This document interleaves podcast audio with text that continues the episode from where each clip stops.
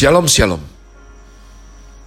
Selamat hari Senin 9 Agustus 2021 Kembali jumpa bersama saya Pendeta Kaleb Hofer Bintor dalam anugerahnya. Penuh sukacita sampaikan pesan Tuhan melalui Grace Word yakni suatu program renungan harian yang disusun dengan disiplin. Kami doakan dengan setia supaya makin dalam kita beroleh pengertian mengenai iman pengharapan dan kasih yang terkandung dalam Kristus Yesus Sungguh merupakan kerinduan besar bagi saya, agar supaya kasih dan kuasa firman Tuhan setiap hari, sungguh-sungguh ini doa saya, setiap hari jamah hati kita. Dan pola pikir paradigma kita ini dibongkar, yang tidak sesuai ditaklukkan kepada Kristus, sehingga sungguh-sungguh kita memiliki pikiran Kristus dalam pikiran kita. Dan yang terutama adalah kehidupan kita, boleh sungguh terbukti berubah ke arah dia. Tentu masih dalam season autumn dengan tema mature, Chris Word hari ini saya berikan judul pengakuan iman rasuli bagian yang ke-17. Pengakuan iman rasuli bagian yang ke-17 saya mohon saudara tidak jemu-jemu. Mari sekali lagi kita baca karena ini sesuatu yang penting sekali merupakan warisan iman turun-temurun daripada para rasul kepada kita. Aku percaya kepada Allah, Bapa yang Maha Kuasa, Kalik langit dan bumi, dan kepada Yesus Kristus anaknya yang tunggal, Tuhan kita,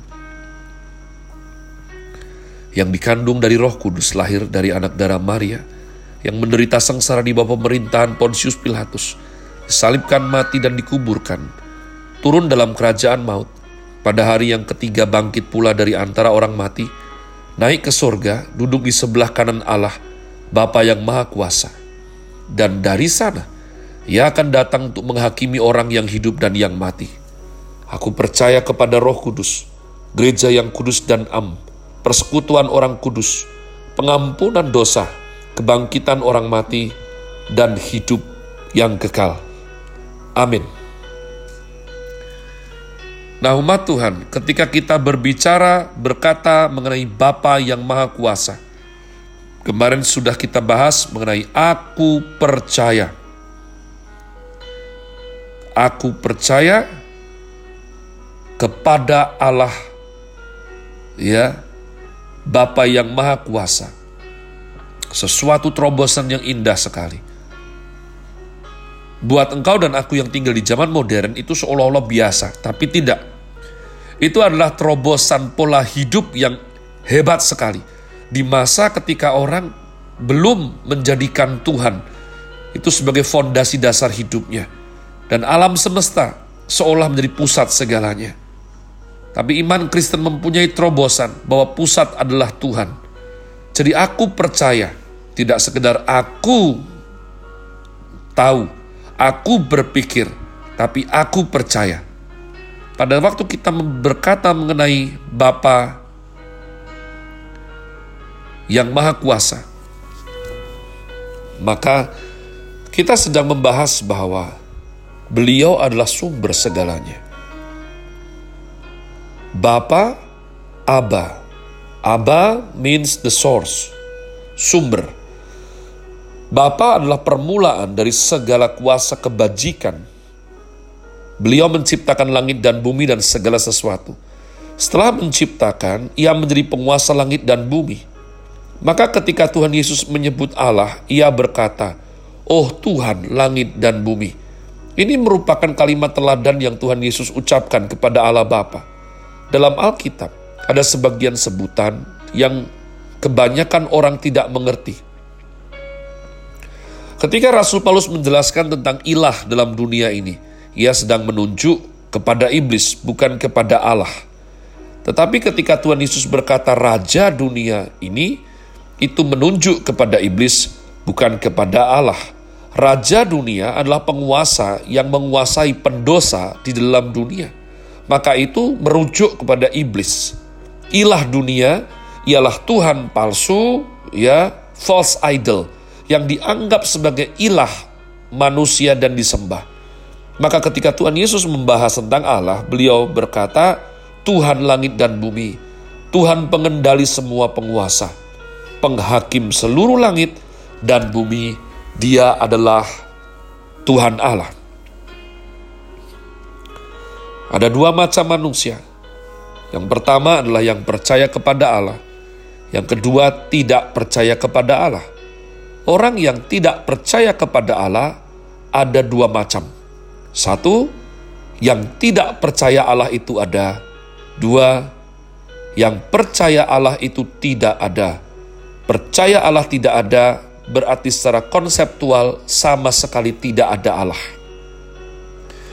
Yang kedua adalah orang yang tidak peduli keberadaan Allah, karena ia tahu rumor apa pun bahwa Allah ada, tetapi mau ada mau tidak, tetap tidak mau percaya kepadanya. Kemudian ada satu golongan manusia lain, yakni kaum agnostik, yang tidak mau tahu baik Allah ada maupun tidak ada. Konfusius berkata, mungkin ada, mungkin tidak ada. Saya percaya mungkin Allah ada, tetapi saya tidak mau mendiskusikannya. Aku tidak mau berbicara tentang yang aneh, yang berkuasa, yang misterius, kacau, dan mistis. Dia berkata bahwa penguasa segala sesuatu mungkin ada, tetapi saya tidak tahu siapa dia. Maka saya sebut dia adalah langit. Ya, maka kalau berbicara dengan Konfusius, yang tertinggi adalah langit. Suara dari langit, aku mendapat wahyu dari langit. Lauce berkata, ada yang namanya firman. Ada sebelum dunia dicipta. Lauce tidak menyebut sebagai Allah, tetapi sebagai firman yang kekal.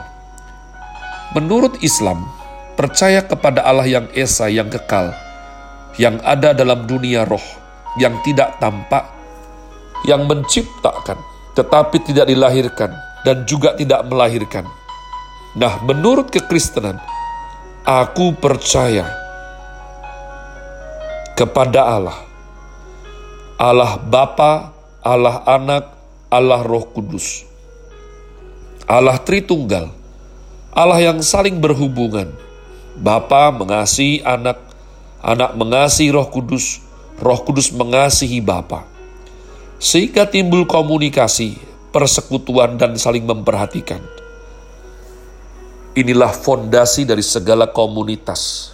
Jika engkau mengerti relasi Allah Tritunggal, maka kita disanggupkan belajar saling mengasihi.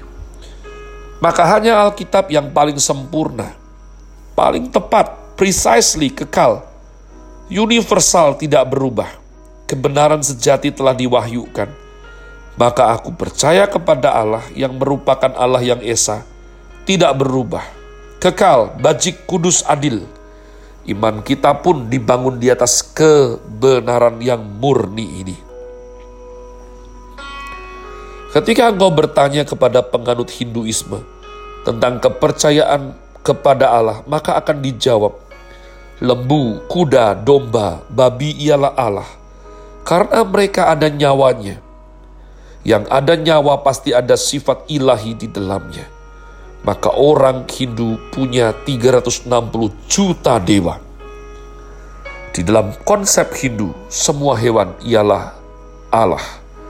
Yang paling mereka hormati salah satunya adalah lembu, karena lembu membajak barulah engkau mendapat makan. Maka di dalam sejarah filsafat, ada beberapa keyakinan kepada Tuhan. Salah satunya adalah deisme. Deisme yaitu natural theism. Kepercayaan bahwa Allah adalah Allah alam. Artinya Allah mencipta segalanya lalu membiarkannya. Suatu hari ada akhir zaman di mana kekuatan alam habis sehingga selesai semuanya. Jadi akan ada expired. Paham deisme dimulai sekitar abad ke-17 dari kota Cherbury, kota kecil di Inggris. Di situ ada seorang bernama Herbert of Cherbury yang menemukan teori yaitu alam ada karena diciptakan Allah. Tetapi setelah selesai diciptakan dan menaruh dalil dan kekuatan alam, maka Allah pun beristirahat dan membiarkan alam berputar dengan sendirinya. Teori ini kemudian dikembangkan oleh William Paley akhir abad ke-17 hingga abad ke-19, Prancis telah menciptakan arloji dan lonceng yang terbaik di seluruh dunia. Di Paris, ada orang jenius bernama Abraham Briquet yang membuat tourbillon yang mempengaruhi dunia arloji hingga saat ini. Ciri khas tourbillon ditambah dengan minute repeater menjadi arloji termahal di dunia. Di Prancis banyak sekali ahli arloji. Pale mengatakan, jika arloji berputar, maka ia mulai bergerak. Dan pergerakan itu sampai pernya habis energi untuk berputar, maka berhentilah arloji tersebut. Demikian pula Allah mencipta dunia ini. Menaruh kekuatan di dalamnya, maka dunia ini berputar. Sampai suatu hari kekuatan itu habis, dan berhentilah semuanya pada hari kiamat. Teori deisme ini mempengaruhi dari Inggris sampai seluruh Eropa maka mereka mengajak orang Kristen meninggalkan Tuhan Yesus, tetapi meninggikan ilmu pengetahuan. Kita percaya kepada Allah dan penciptaan, tetapi kita tidak percaya Dia menguasai karena Dia meninggalkan ciptaannya. Karena Allah telah menciptakan, lalu membiarkan semua berjalan sendiri. Pikiran Herbert of Cherbury dan William Pelly mempengaruhi generasi muda di Eropa, membuat gereja kosong maka Perancis jadi kasihan sekali. Mereka bingung, tidak mempunyai Tuhan, dan menentang kekristenan. Berbagai akibat deisme menyebabkan Eropa kehilangan pegangan iman. Belanda yang pertama menyetujui LGBT. Kejahatan terjadi di mana-mana. Semua ini terjadi karena mereka meninggalkan warisan yang penting, yakni pengakuan iman rasuli, kepercayaan kepada Tuhan yang murni. Pengakuan iman rasuli merupakan jaminan menghormati sampai akhirnya masuk ke dalam dunia kekekalan. Maka ini sesuatu yang jangan sampai hilang, jangan pudar. Kita harus belajar, belajar sampai paham. Have a nice day. Tuhan Yesus memberkati saudara sekalian. Sola. Grazie.